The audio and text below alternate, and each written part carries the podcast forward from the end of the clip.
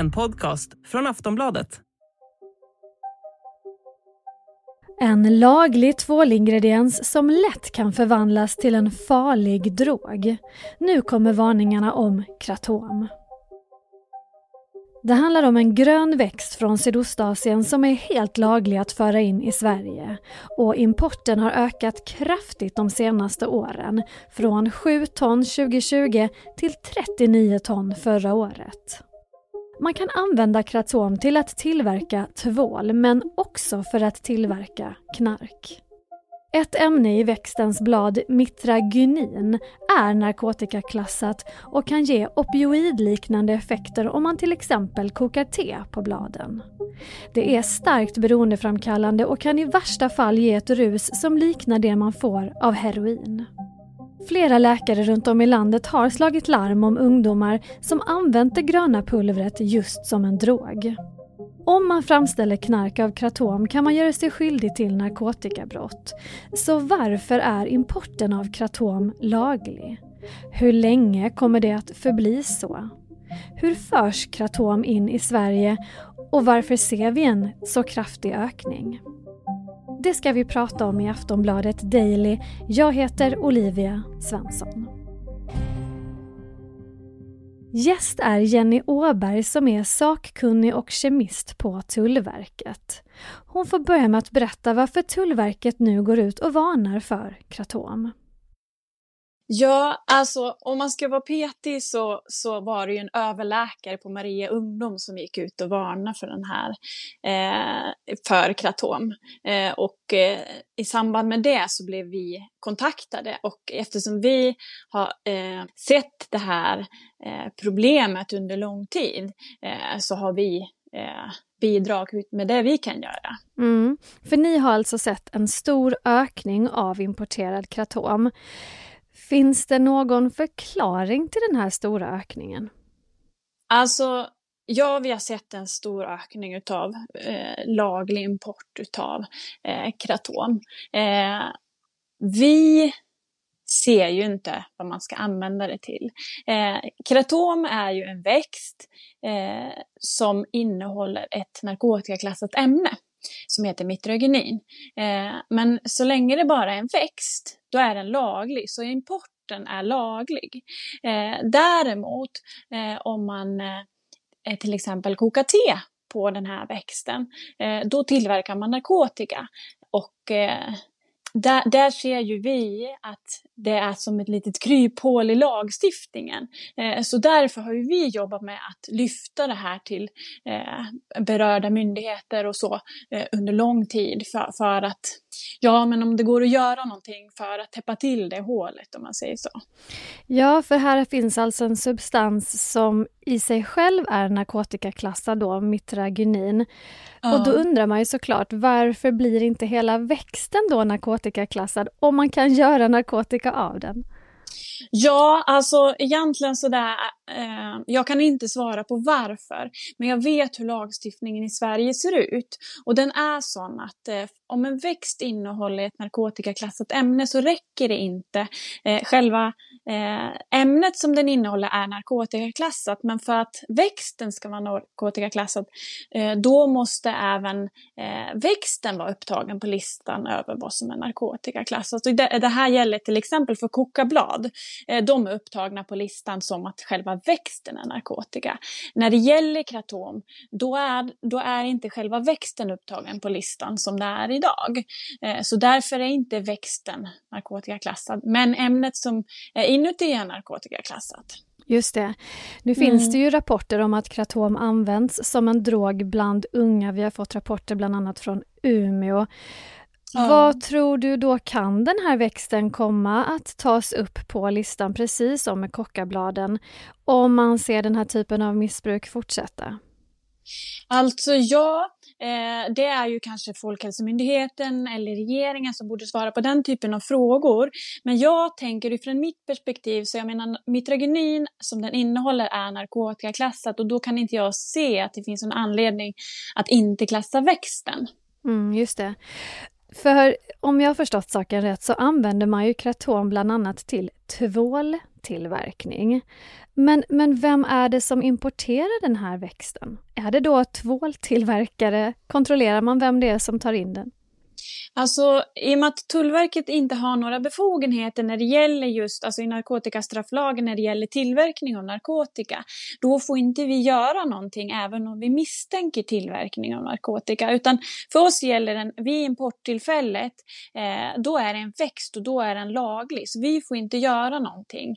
Eh, så även om eh, vi kanske misstänker att det inte kommer tillverkas tvål så får vi fortfarande inte göra någonting. Varifrån och hur importerar man det här kratom till Sverige? Kratom är ju en växt som växer vilt på olika platser i Asien, framförallt Thailand. Eh, så att jag utgår ifrån att det är därifrån man importerar. Eh, sen är det ju olika företag som, som, som importerar det här, men, men det är något som vi inte brukar eh, ge ut de uppgifterna. Men i vilken form kommer den? Kommer den som en hel växt eller kommer den som te eller hur, hur ser det ut när den kommer in? Oftast så är det eh, stora påsar med, med malda växt, alltså malda blad, så det ser ut som ett grönt pulver. Eh, men att man har malt, eh, vad heter den, eh, växten, det är fortfarande en växt.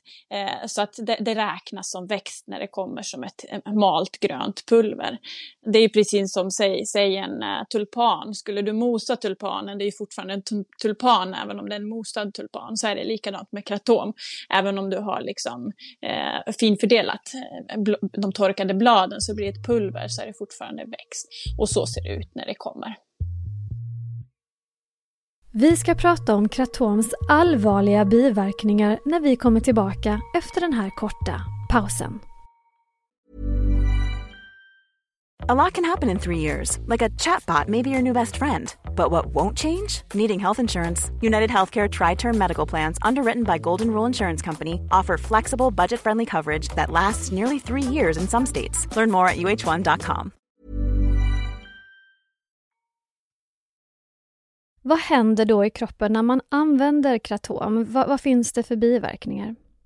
Mitragynin det är ju en eh, drog som eh, vid låga doser så är centralstimulerande. Vid högre doser så är den opioidlik, alltså dämpande, rogivande, smärtstillande, eh, stimulerar hjärnans belöningssystem. Eh, biverkningar, ja, illamående, hallucinationer, hjärtklappning. Framförallt så är den beroendeframkallande. Eh, det är ju väldigt typiskt opioider att de är väldigt starkt beroendeframkallande. Jag är nyfiken på om Tullverket ser en ökad import av liknande växter. Du nämnde kockablad, det har, man har pratat mycket om de här kattbladen som man mm. tuggar. Mm. Ser ni någonting sånt, en, en tendens? Ja, vi ser en del import av till exempel katt. Eh, för tillfället så när det gäller, eh, jag kan säga på de senaste tio åren som jag har arbetat så ser vi ju mycket mer eh, import av växter nu än vad vi gjorde tidigare. Men eh, det är till allra största del just eh, nu kratom som är, heter Mitragyna speciosa. Liksom. De ser vi mest. Eh, däremot finns det ju väldigt många fler psykoaktiva växter så att jag är ju personligen orolig för att även om nu kratom kommer att eh, förhoppningsvis narkotika klassat att det finns flera andra växter som skulle kunna ta dess plats, där vi har samma typ av problematik. Vi ser ju till exempel eh, import av växter som innehåller DMT, som är en annan narkotikaklassad substans. Eh, den här finns ju i, i ayahuasca, ifall det är någonting som eh, känns igen. Just det. Den, så här, den deklareras inte riktigt lika öppet som Mitragina speciosa, så det är lite svårare att, att ta fram statistik på den, men den ser vi också. Det handlar ju då om eh, en importökning från 7 ton 2020 till 39 ton då förra året eh, av mm. just kratom. Mm, det känns ju som att det inte handlar om tvål direkt. Om man Nej, ska alltså vara lite jag... spekulativ. Ja, precis. Eh, alltså det blir ju väldigt, jag har personligen aldrig sett en kratomtvål. Eh, och jag tänker utav 39 ton växter, det blir ju väldigt, väldigt mycket tvål. Mm, mm. Eh, och sen om man läser hur det skrivs om i, i internetforum och så, så tänker jag att mm, allt ska nog kanske inte bli tvål. Det har ju tidigare kommit rapporter också om ett ökat inflöde av så kallat cannabisgodis och där gick mm. Tullverket ut med en varning hösten 2021.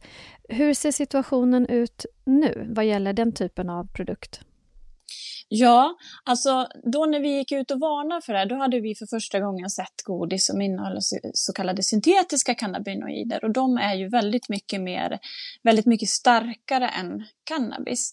Eh, de har vi som tur är inte sett mer sedan dess.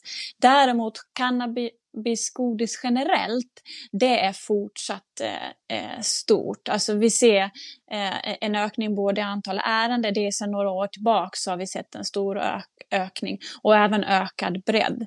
Eh, och sen nu det allra senaste så har vi ju sett väldigt mycket av den här HHC, eh, eh hexahydrocannabinol. Om det nu skulle bli så att man eh, från olika myndigheters håll uppmärksammar att den här kratom borde förbjudas eh, vad gäller just importen då. Betyder det att all kratom i så fall beslagtas av Tullverket i så fall, om den skulle förbjudas? Absolut. Skulle den förbjudas, då skulle vi få möjlighet eh, att stoppa den redan vid gränsen. Vad är din bedömning då vad gäller importen av kratom, just den här specifika växten? Tror du att det kommer att komma ett, eh, en narkotikaklassning, ett förbud mot import? Jag tänker så här att vi har ju sett det här som, eh, som ser ut att vara ett kryphål i lagstiftningen. För jag tänker att det kan ju inte vara meningen att att man ska kunna importera växter och sen eh, missbruka droger Eh, i landet. Eh, så jag tänker med tanke på att eh, vi har sett det här och vi har, vi har rapporterat om det, alltså vi har ju rapporterat om det internt i, min, i, i, myndighetssamarbete så under så länge, så hoppas jag ju att det kommer att förändras. Finns det någon annan sån här växt eller någonting som i nuläget är lagligt som ni också håller någon slags koll på eller som ni liksom diskuterar? Eh, I dagsläget är ju Mitragina speciosa, eller keratom, är ju den största. Eh, och i övrigt så tror jag kanske inte att jag vill eh, uttala mig, utan jag tänker att det, det får vi se. Uh, jag vill ju inte så gärna göra reklam för att uh, om den här skulle bli olaglig, uh, om den här skulle bli stoppad så kan ni ta den här istället. Det är väldigt vist tänkt av dig tycker jag. Jenny Åberg, sakkunnig och kemist på Tullverket. Jag tackar för att du kunde vara med i Aftonbladet Daily. Ja men tack så mycket. Du har hört ett avsnitt av Sveriges största nyhetspodd och vi hörs igen snart. Jag heter Olivia Svensson. Hej då.